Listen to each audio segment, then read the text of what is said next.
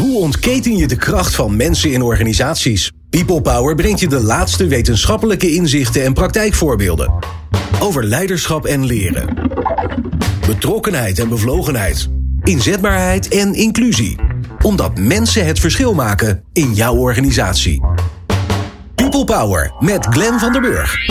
There's a lot of attention for diversity in the media. For example, the public opinion does not accept a talk show table full of white, middle aged men anymore. This trend is also reflected within organizations.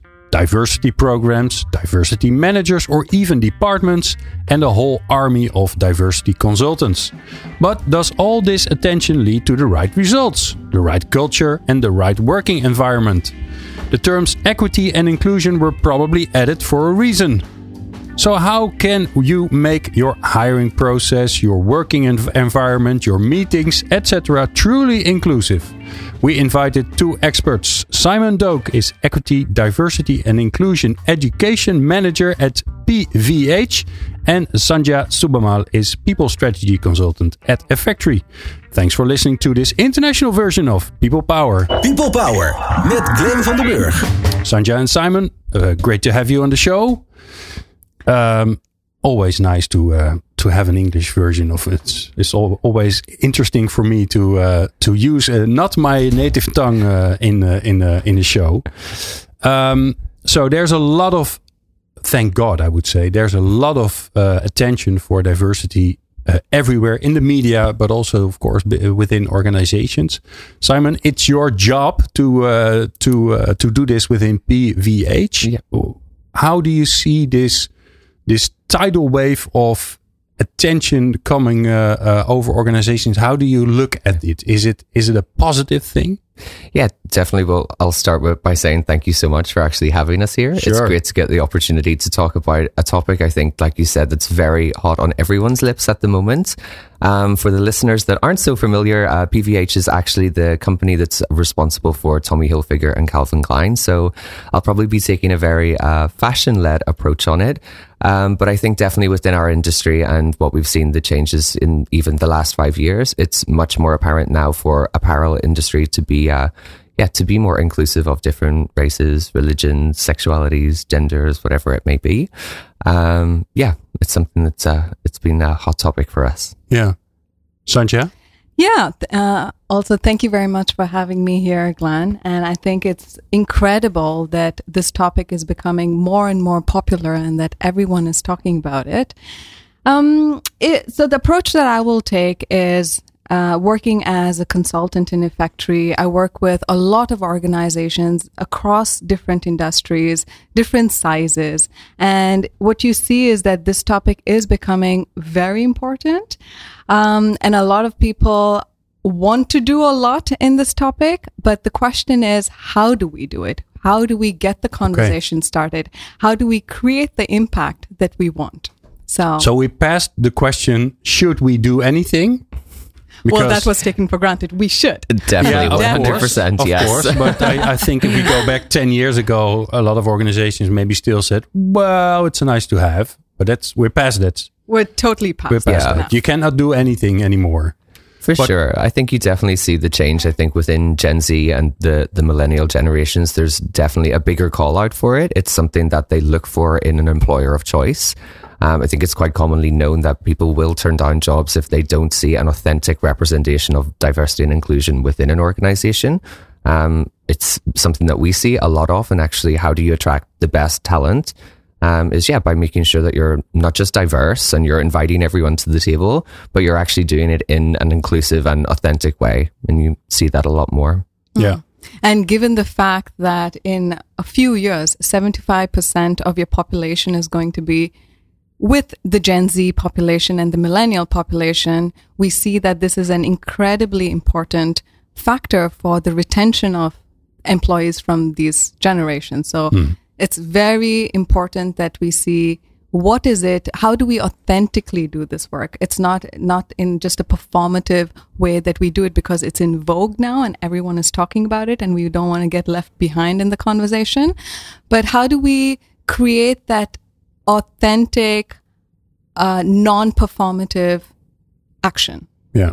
and you also already said, uh, Sandhya, that it's in the how, it's in Yeah. the steps that you take, it's um, in the well, authentic is one of the words that you used. So, what do you see as a maybe a side effect of all this attention for diversity and all these companies and organizations frantically taking steps to do something because they're left behind? They well, they just didn't start soon enough, probably. Well, the side effect is exactly like how you phrased it that we're all scrambling to get something done, but we don't have that focus of what do we want to get done? What are the goals that we're trying to achieve? Are we just doing it because everyone around me is doing it? Everyone is talking about it, so I don't want to fall behind in the public discourse. So that's first thing to keep in mind is that what are you trying to achieve? Who are you trying to um, include in the conversation now that you previously didn't really think about? And uh, how are we going to create that accountability within organizations so that it doesn't become a trend topic that everyone's talking about it now? So we do it now, but what happens when the um, topic turns to something else trendy? Do we forget about DEI? So Yeah. how do we establish that accountability and specific metrics so that this is an ongoing change, whether it's trendy to talk about it or not? Yeah. Yeah. And what, what you even see Simon, I heard I heard somebody a few years ago um, um, that was working on diversity said, yeah, well, first we focus on women and LGBT um, uh, community. And I was like, oh, so everybody else is left behind. Yeah, and it, I think that comes back to the why. For me, it always starts with why do you do something? And so often you hear this phrase, and so often as an HR professional, I've heard it many times. Oh, we need more blank people at the table. Fill in the blank in whatever way you will. Um, for me, as a queer person, I heard sort of, oh yeah, we need another gay guy at the table. We need that perspective. And actually, why? Why? What are they going to be contributing to the business, to the conversation, to to your organization in general? Um, and if you can't answer that why, if your executive team, your leaders can't answer why do we want to to do this? Why do we actually bring it back to these people? Um, I think that's the starting point. It's not just about ticking a box for a number and saying, okay, cool, we've invited these people to the table. Yep, we have the representation. It's actually giving them a voice at the table as well too. So really being able to articulate why do we want to have a diverse talent pool within our own organization? Yeah. And that's the authenticity, right? It's not Yeah. just for the Yeah. optics that we invite someone to the table, but we also give them that power and that decision making power and influence to create that change Yeah. from their perspective. Yeah, definitely. Right. And Sandhya, I think it has a name, Yeah. doesn't it? Yes. And that comes to the point that what we want to talk and deep dive a little bit today, and that is intersectionality.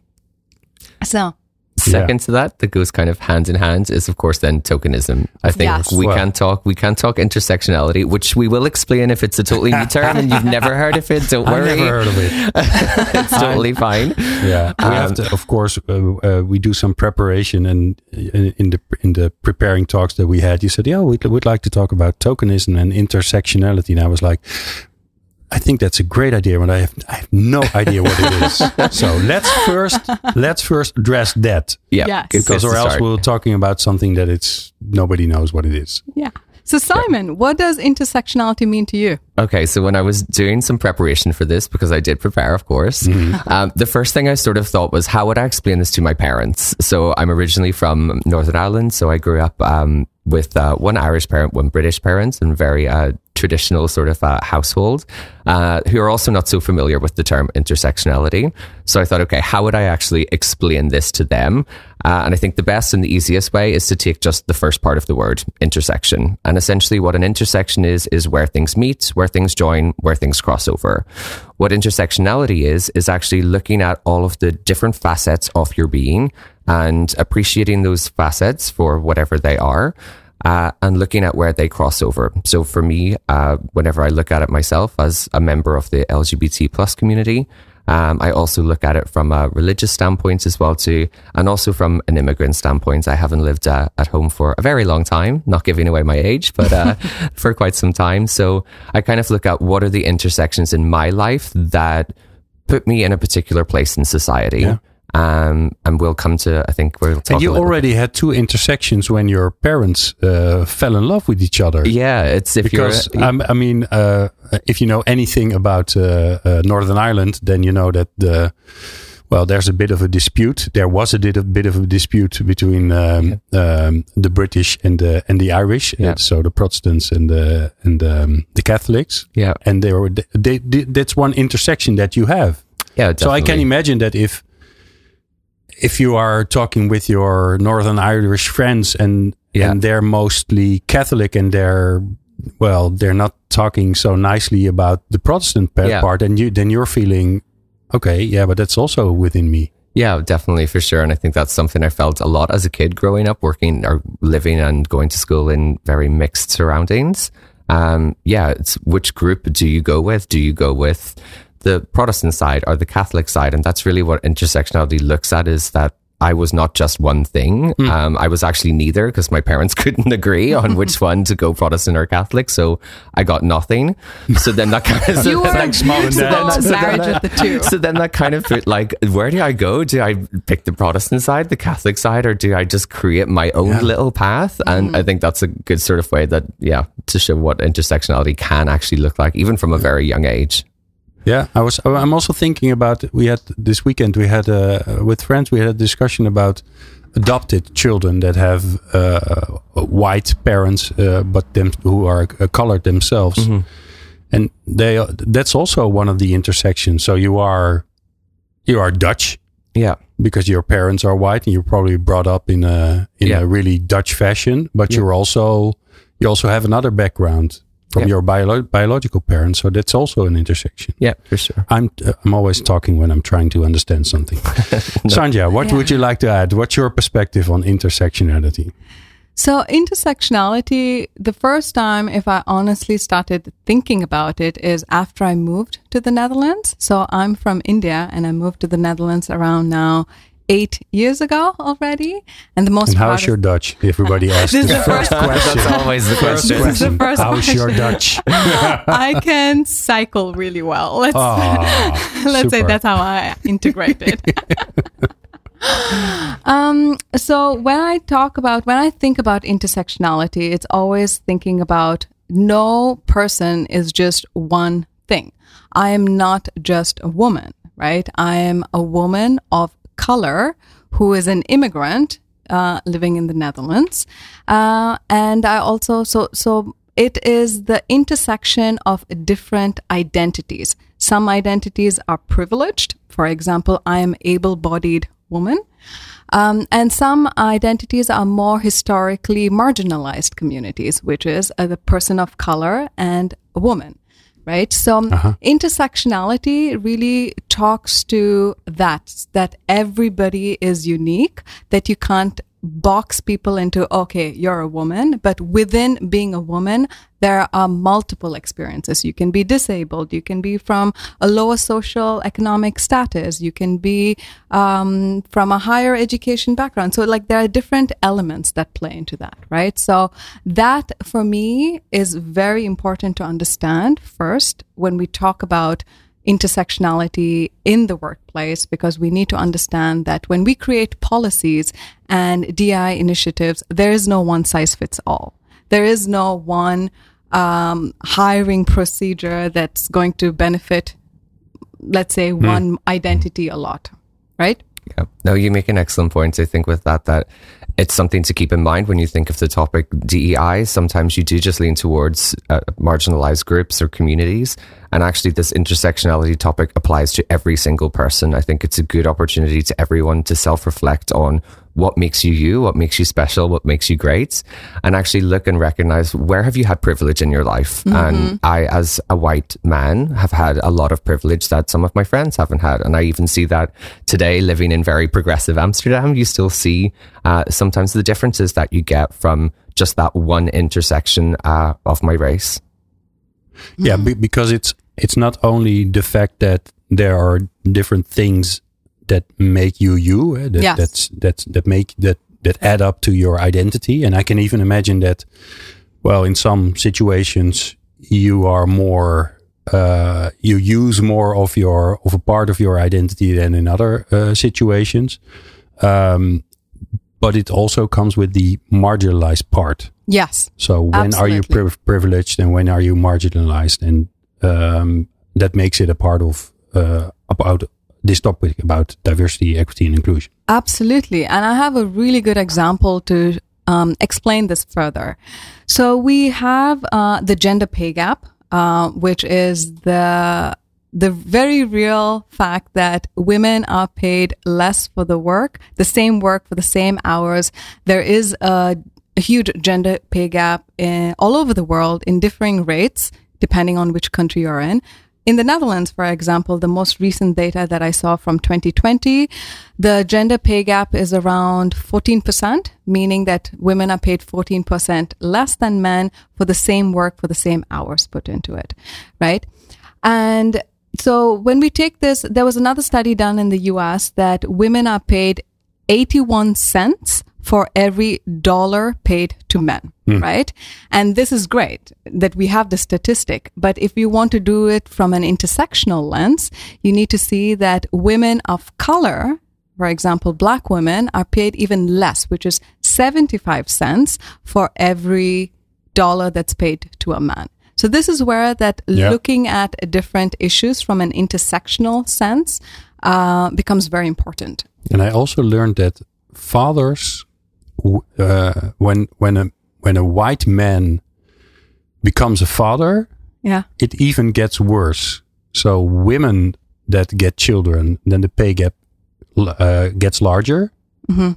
and it even gets larger if men get children. So women with children get paid less, and men with children get paid more than Yeah. than men without children, Yeah. hmm which is Yeah. really crazy. Okay. Yeah. Um, in a bit, we'll start talking about the other topic because we also have another new uh, word that we have learned tokenism. So we also have to address that, but we'll talk about it in a minute. Leiderschap, leren, inzetbaarheid en inclusie. De laatste inzichten hoor je in People Power. Simon Doak of uh, PVH, the, uh, the company uh, behind or above, I don't know where I, where to put it. To Above, put it. mother- mother company, the mother mother, company. company. of Tommy Hilfiger and Calvin Klein, and uh, Sandhya Subbammal of uh, Effectory, our friends, of course, uh, of the show. We're talking about, um, well, well, we're talking about intersectionality. I've, I've learned a new word. Before we go to tokenism, one of the things that I can imagine that our listeners are thinking right now is, oh my God, it just got even more complicated. We have all these groups in our big organization. You have to have a big organization. We have a group for women. We have a group for uh, uh, uh, disabled people. We have the, a group for the LGBT plus community. We have a group for uh, um, the non Western European background, which is also very difficult to explain without using words that you don't want to use. So uh, now we have the intersectionality. Oh, guys, help us out. Help us out.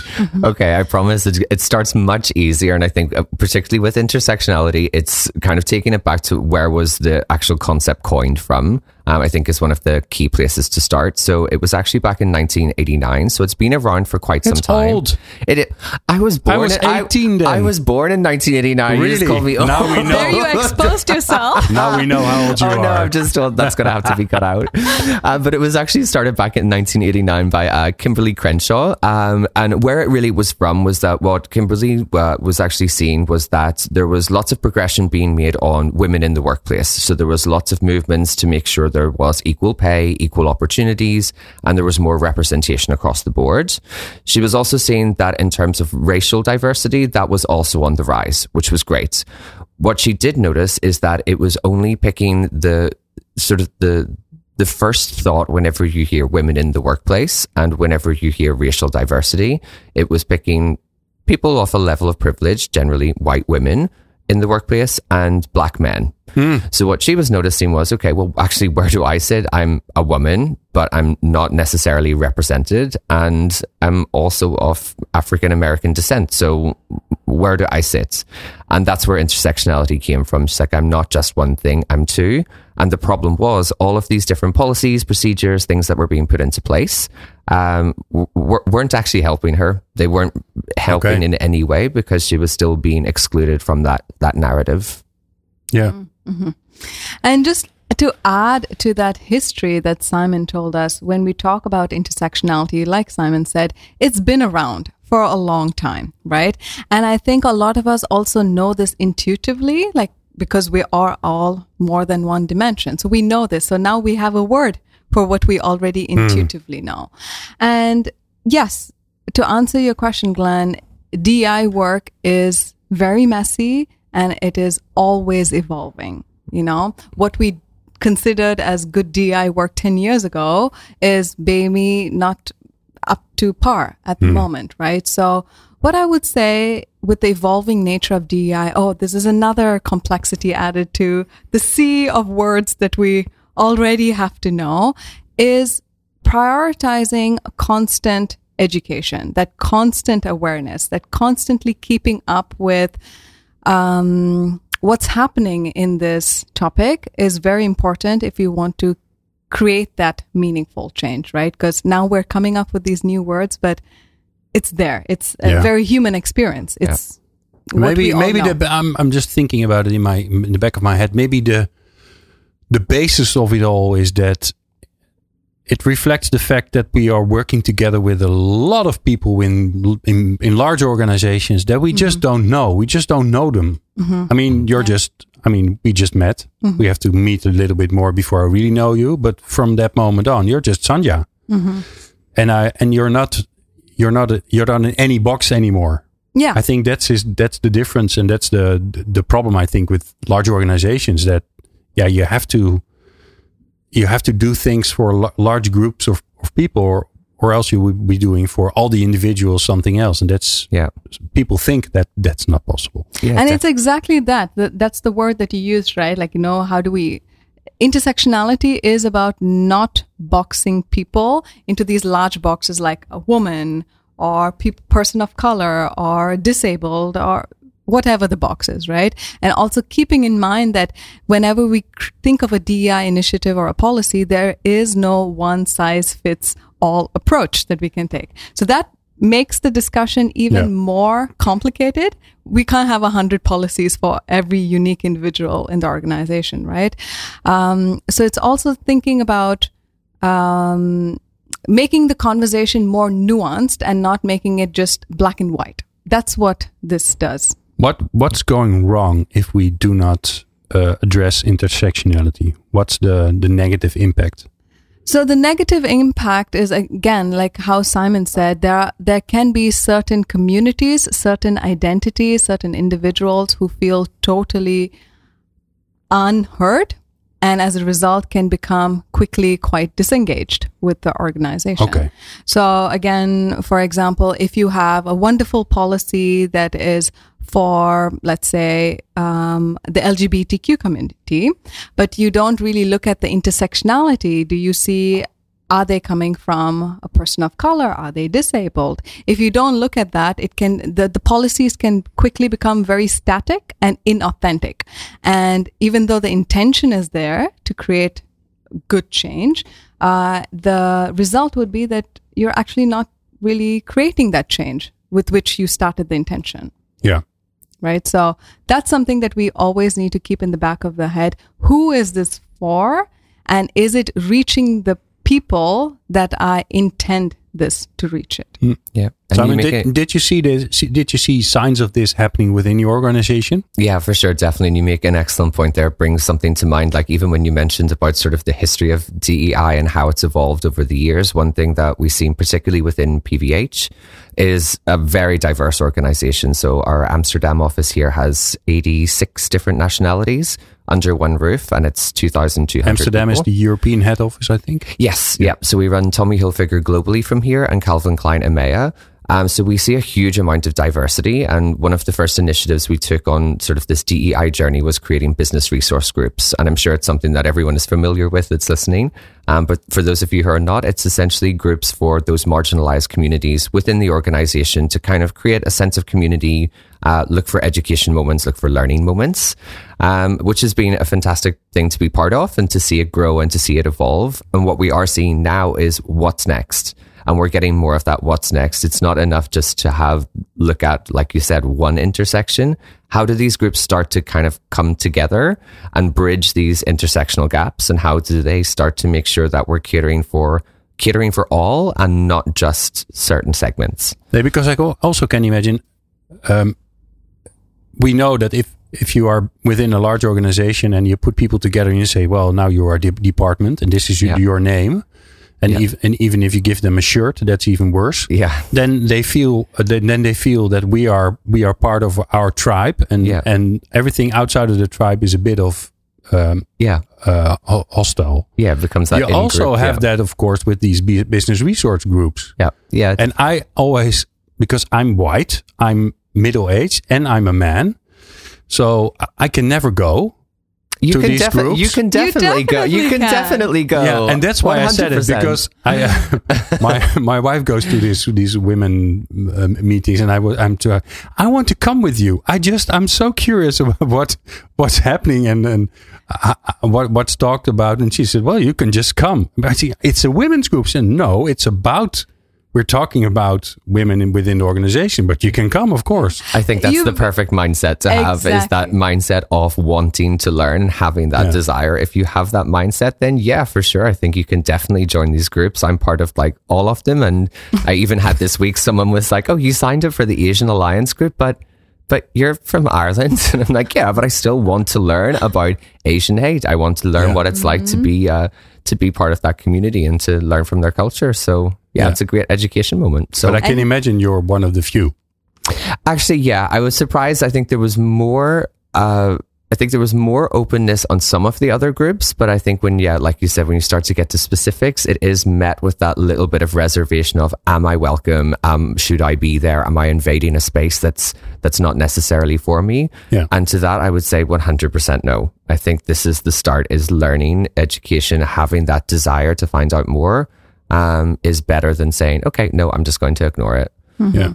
And Glenn, you bring up something very interesting for me is what I've noticed is when in this conversation about DEI, I feel white men particularly and white able-bodied cisgendered men particularly feel left out of this conversation thinking where do we fit in into this conversation and i in my opinion i feel you have one of the biggest roles to play in terms of allyship in terms of educating yourself in terms of advocating for people who have maybe less privilege than you, right? And it's exactly like how your wife put it. Like, you know, she invited you for this. So it's just, so everyone, every white man has maybe someone that they care about, which is from a different set of hmm. intersectionality to them that you want to learn more about. Maybe it's your wife, maybe it's your sister, maybe it's your mother, maybe it's a friend that you want to know more about in terms of understanding their intersectionalities, Yeah. right?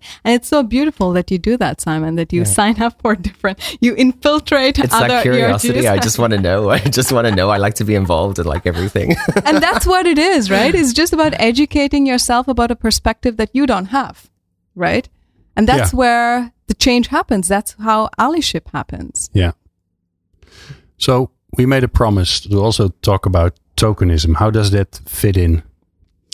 So tokenism uh, is also something that's been around for a long time, and maybe a, a lot of us are even experiencing it, but you just don't know it's called tokenism. So a pitfall of intersectionality is basically tokenism. So tokenism is the fact that if I have to explain it with an example. So a lot of the times we hear in the C level, oh, we need a woman. And where are we going to find a woman? And just to tick that box. That is tokenism. Hmm. When you bring someone onto the board because you want to tick a box for that optics, but you don't really give that person that decision making power or that giving them that influence to make uh, important decisions within the organization. That is tokenism. So it's Yeah, yeah. just for optics, but not real influence within the organization. And you see tokenism in a wider context in many ways. And even before I learned this word, my first experience with tokenism is The Simpsons. The, the cartoon Simpsons. Really? Oh Yeah. yes, I know where you're going with I- I this. think you know, I right? think I have a similar example. I'll tell Help afterwards. me out. Help me out. So in the in the Simpsons, there is this character called Apu, which is uh, which is supposed to be the token Indian character. So there is only one character called one brown character of Indian origin called Apu, and how this character is portrayed is more like a caricature. It's more like a s- extreme stereotype of the Indian culture and of um, how an Indian is. And even though I, I saw the representation of someone brown skinned in a largely white show, I never felt represented by this character. I never felt I could relate with this character on the show. Yeah, yeah. And that is tokenism, where it's done for the optics, but it doesn't really represent who you are. I had exactly the same example. I think growing Oh, up really? with Sex in the City. I think everyone has watched Sex in the City at some point. Gay best crossed- friend trope. The gay, bre- the gay best friend, the token gay guy, the token gay guy that's flamboyant, wildly dressed. It's always a representation of someone of wealth or a higher so- socioeconomic status as well, and it's always the same token flamboyant. Let gay me guess. guy. It pro- he, he probably had a, a very creative um, job. Yes, worked in marketing or design or hair and fashion. And again, to to your mm-hmm. point, that's not something that I ever saw. I saw the character and I thought, oh, is that what I'm supposed to be? Is that what I should be? And it kind of puts that into your head of, okay, is this is this what all that there is? And actually, what we know from the queer community is there's it looks a lot different for a lot of different people. So yeah, it totally resonates with me that Yeah. you mentioned that. Well, one of the things that that uh, uh, when you when you um, uh, in the preparation you, you you talked about tokenism, which came into my mind was Bridgerton, and I don't I don't know if it's if it's the right example. I was just thinking, no, I should re- rephrase that. I was I don't know what to think. That is the, the biggest thing. I I just don't know what to think. I you see this historical context, and you see um, uh, people with uh, with uh, dark colored skin in it, and I was just thinking, yeah, well, I don't mind. I I I'm okay. I can I can go with the with the storyline, but I I just I'm just curious how you um, look at that. from Sandhya, I'll let you go. I'll let you go for. I think as someone who's half British, I have a I have a very particular view on it. So I'm going to let you go first because I might have a slight biased opinion on it. So uh, I'll let you go first. we do have two different perspectives on this um, topic. So, what I say is when we talk about tokenism, it's not necessarily a bad thing always, right? There are some contexts where it just naturally happens. For example, for example, when a company is starting to becoming starting to become more and more diverse, it is natural that there will be few people from certain um, underrepresented communities who are quite few in number compared to the majority population, and they do in that process become tokens. Yeah. So in that um, in that line of thinking, when you think about media representation, where it has been largely white, um, white characters and white stories that have been told um, or overrepresented in media, I'm okay with the performative nature of it. Um, it does feel performative to a certain extent, right? Because we need to have that representation. Everyone's doing it, so we need to have more diversity in the cast. So it does, to an extent, um, seem performative and seem inauthentic. But is that necessarily a bad thing? My perspective is that it is not, because we need to get started somewhere, right? Yeah. And we need to normalize how that looks in the larger media. It's okay to have someone uh, who's a queen who's black, for example. It's fine. Um, and it's okay to have a black mermaid, Ariel, right? Um, it's okay to have black elves. Yeah. Um, right? So it's just normalizing that to the point where we don't see it as something Yeah. that stands out. In that aspect, I'm okay with it. You're referring to Lord of the Rings, of course, yeah. also. Lord Oh, yeah, Rings, Lord of the Rings. Yeah, yeah. But I th- Exactly. the big difference for me was that I was like, uh, It looks weird. No, it's a historical context. So they're they're they're of Yeah. course it's they're not real stories. They're they're made up stories, but they're in a mm-hmm. historical context. So you're mm-hmm. like, huh? Mm-hmm. Okay, historically, this isn't right. And what happened in my head is that okay, and is that a problem? Okay, they probably want to say something with this. They did it on purpose. Why is this happening to me? So I didn't even li- listen to the story anymore. I was just confused. Yeah, I think for me, uh, there's certain aspects of it I definitely mirror. I think uh, just from the storyline in general, the royal family, the history, and everything behind that. I think, firstly, it was great to finally see some representation of diversity within that sort of monarchy space, which has historically never been there. So I think from that aspect, great. For me, I felt it was too performative. I felt that there was no, it kind of comes back to that why that I mentioned a little bit earlier. Why did they choose to do it? Did they do it to tick a box and say, oh, we have to have 40% of our cast need to be from the BIPOC community? Um, so we tick a box. And for me, that's what it felt like. They were ticking a box and they had nowhere else to put it. And they thought, okay, uh, yeah, this is a great chance to get some free publicity. Everyone will be talking that we turned the monarchy into a person of color. Uh, so for me, it felt uh, felt a little bit inauthentic. I will say I don't know the full context, the story behind the producers, the director, the, No, what their, what their thought was. But for me, as someone not knowing it and looking at it, that's what it felt like. Yeah. On the other side, um, there's another show on Netflix you might have seen called Beef. Um, it just recently came out, and the entire cast is uh, Asian American. And it's, I think, a- perfect example of it done well. It mm. looks at Asian culture. It looks at what it's like to be Asian American. It moved the narrative from the token Asian character, just to bring it back to tokenism, mm-hmm. and actually let you focus on the other aspects of these people. Mm-hmm. So what it's like to be a driven career, career driven, ambitious woman in a predominantly male led field and what's it like to to be the lazy tech guy that likes bitcoin and things like that. So you focused on them as a being them as a person their culture their experiences not their race. And i think that was a perfect example of it done well.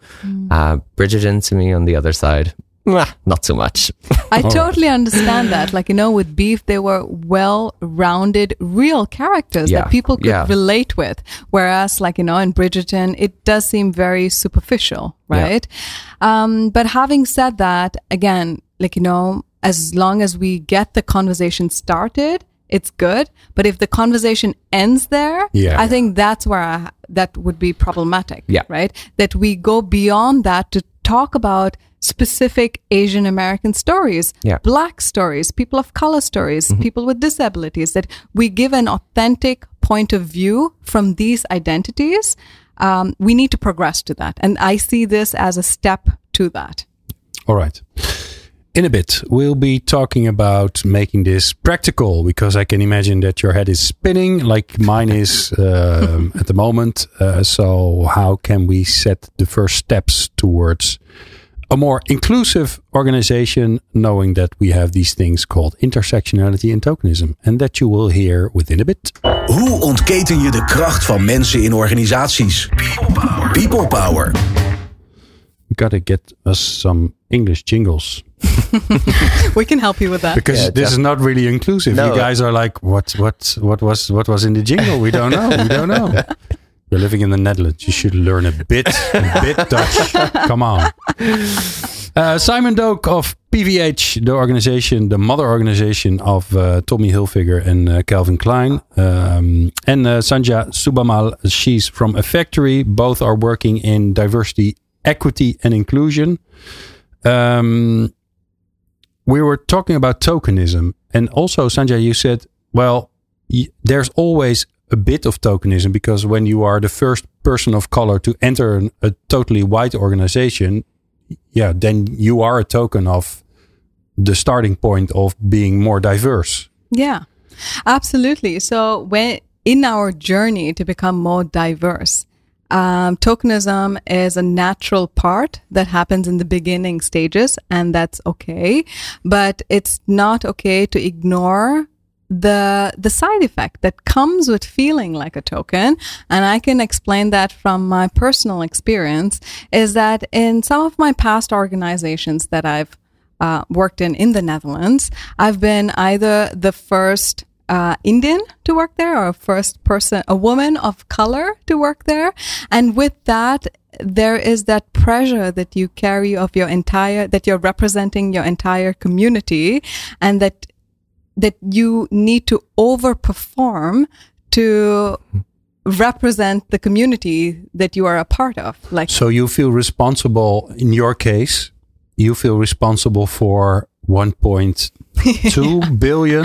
Well, how, how, much is it? Yeah, it's definitely billions. Let's leave it at that. Yeah. let's not get like a billion indian uh, absolutely in your culture and you feel the feel that the you weight. have you have to perform in such a way that everybody will think, oh, wow.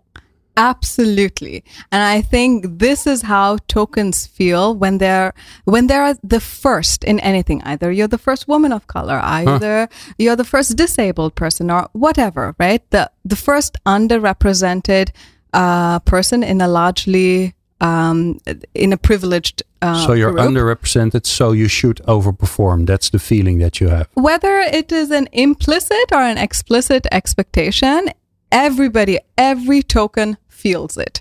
And I can also say that from personal experience and hearing about uh, stories from my peers, we have that pressure to overperform. Mm um, to beat those stereotypes, to beat the the expectation, the preconceived notions that you would have about me. Um, so it's it carries a lot of weight, and it can be incredibly damaging to the mental health of tokens. Yeah, I can imagine. Yeah, Simon, yeah. is that something you can relate to? Uh, f- f- yes and no at the same time. I think I've always worked in the fashion industry, so it's always been with, uh, yeah, Ralph Lauren, a few department store chains, and now Tommy and Calvin. And generally, the population that we see is it's predominantly female led. There's a lot of uh, that's the majority of our population, and also the LGBT plus community. Um, you could probably, if you deep dived so into if it, I would be, I would start working for you, then I would be under underrepresented. Actually, yes, you're not. You're not. You're, you're actually not underrepresented in leadership positions. Strangely Oh, enough, okay. so when Yeah, we look yeah, at yeah. it, yes, 60, 60 something percent generally of uh, some organizations are. Uh, are women, but uh, when you look at their C-suite and executive level, it's uh, it's probably people that look a little bit more like you. That's uh, everywhere, right, Simon? so don't worry if you want to be a CEO, Yeah, yeah. probably. No, no, no, no, no. but no, I do Never. feel it's like uh, to, yeah, to a certain extent. I think you do have to uh, just be conscious of if you are the first person that's at that table, what are you contributing? And it kind of comes back to the longer term goals, I think, of the organization. If they're setting these people up for success and they're putting the right policies, procedures in place that in the long term, you won't just be the only woman of color or you won't just be the only gay immigrant. Um, if that's there in the long term, then that really it kind of eases that pressure a little bit. Um, and that's when tokenism goes right because you kind of get a, a better outcome. Yeah, yeah. And what you said, San- Sandhya, what I learned from you is that tokenism in the beginning, when you're starting with this, with uh, with uh, being more diverse, then it's an, a natural effect. But if it if it's if it stops stay. at that, Mm-hmm. so you don't have uh, any policies or don't have uh, training or you don't do anything else, then it's it could be to actively damaging. address it, then it does get damaging. Yeah. All right. Final question to you. Our listeners are listening to this show and they're thinking, okay, so well, I have a very full agenda. Uh, I'm recognizing some of the things that you have been talking about. What can I do that doesn't mess up my agenda for the coming years to start uh, changing for the good? Okay, I think for me, Simon. definitely the first thing it needs to start from the top. It needs to start with executive sponsorship and executive representation that they understand the importance of having a more diverse, equitable, and inclusive environment for their teams. If your senior leadership team can't convey why do we want to do this, how are we going to do this, and what are some of the actions, how can you expect an organization or the people that report into them to really make a difference or to make that change. It starts with them understanding why do we want to do this. Okay, and next to understanding it and talking about it, what should they do themselves? Proactively put in policies, procedures, things in place that not just not just reactively when you bring your token person into the room, really proactively think, okay, what will these people need to be successful to make sure that their voices are heard? Have these policies and things in place to make yourself an attractive employer of choice. And then once people are in, they feel comfortable and enabled to succeed, not being set up to fail. Mm-hmm. Okay. And to add to that point, what I would say is yes, it starts at the top, and representation starts at the top. So ah. when we ah. talk mm. about um, different policies for intersectionality or tokenism, um, you need to hear it from a perspective of people who faced those barriers themselves. So people don't recognize barriers if they've not gone through those barriers themselves, right? Or if they've only heard about these barriers because there is a situation in the company that's mm. become that has escalated. So for me, what would be important is the people with key formal power within the organization, key decision making power in the organization need to be adequately represented to represent the work the workforce uh, distribution within the organization. Uh-huh. That is key, I would say. Yeah. Yeah. And it kind of links to like who you recruit into those positions as well, too, Absolutely. that it will take time. This isn't going to be a, an overnight thing or a quick change. It does take time, commitment, investment. And yeah, you will probably have to wait longer to recruit someone into the position if you want diversity. Um, but good things come to those who wait. It's better to look for that diversity, hold off than just falling back onto what we've always done. Yeah. Mm-hmm. Yeah. And more in the short term, what I would say, short to medium term, what I would say is having that um, on those moments to have that ongoing conversation about these difficult topics, right? Like race, gender, how it, tokenism, intersectionality, creating those spaces to have, I think how some companies call it is courageous conversations. Mm-hmm. Oh, I like that. Uh, yeah. courageous conversation. Courageous I would, I would like to like be present sometimes with that. courageous conversations. Um, and just hearing different points of view. What are your blind spots? What kind of, uh, what perspective are you missing? And hearing from different people is, I think, is key. And on that note, what I also saw as a study is in different companies, um, for example, there is a pressure on marginalized communities to spread that education. Um, amongst the more privileged groups. And I think this is something to be aware of that sometimes the marginalized communities, they themselves, research actually backs this up, that they themselves don't know uh, how to have like these conversations in a structured, um, objective manner, right? They only mm. know what they experience. So just because someone is a person of color, it's not that they, by default, they become an authority on all issues relating yeah. to that. So putting that pressure on them is something to be very um, cognizant of, being very conscious of that. Yeah. All right. My conclusion after this short hour of talking about new, um, yeah, well, new uh, new words within uh, diversity, equity, and inclusion um, is that um, the hour was too short, as always. um, we'll make sure we'll put some uh, extra links to more information about intersectionality. What can you read or watch, which will, will be interesting, and of course about tokenism, so you can learn more. Because if I've learned one thing, is that we should be uh, keeping uh, ourselves educated about this subject. Simon Doak of uh, PVH and Sandhya Subbammal of uh, Effectory, thank you very much. And you, of course. Thanks for listening to this uh, show.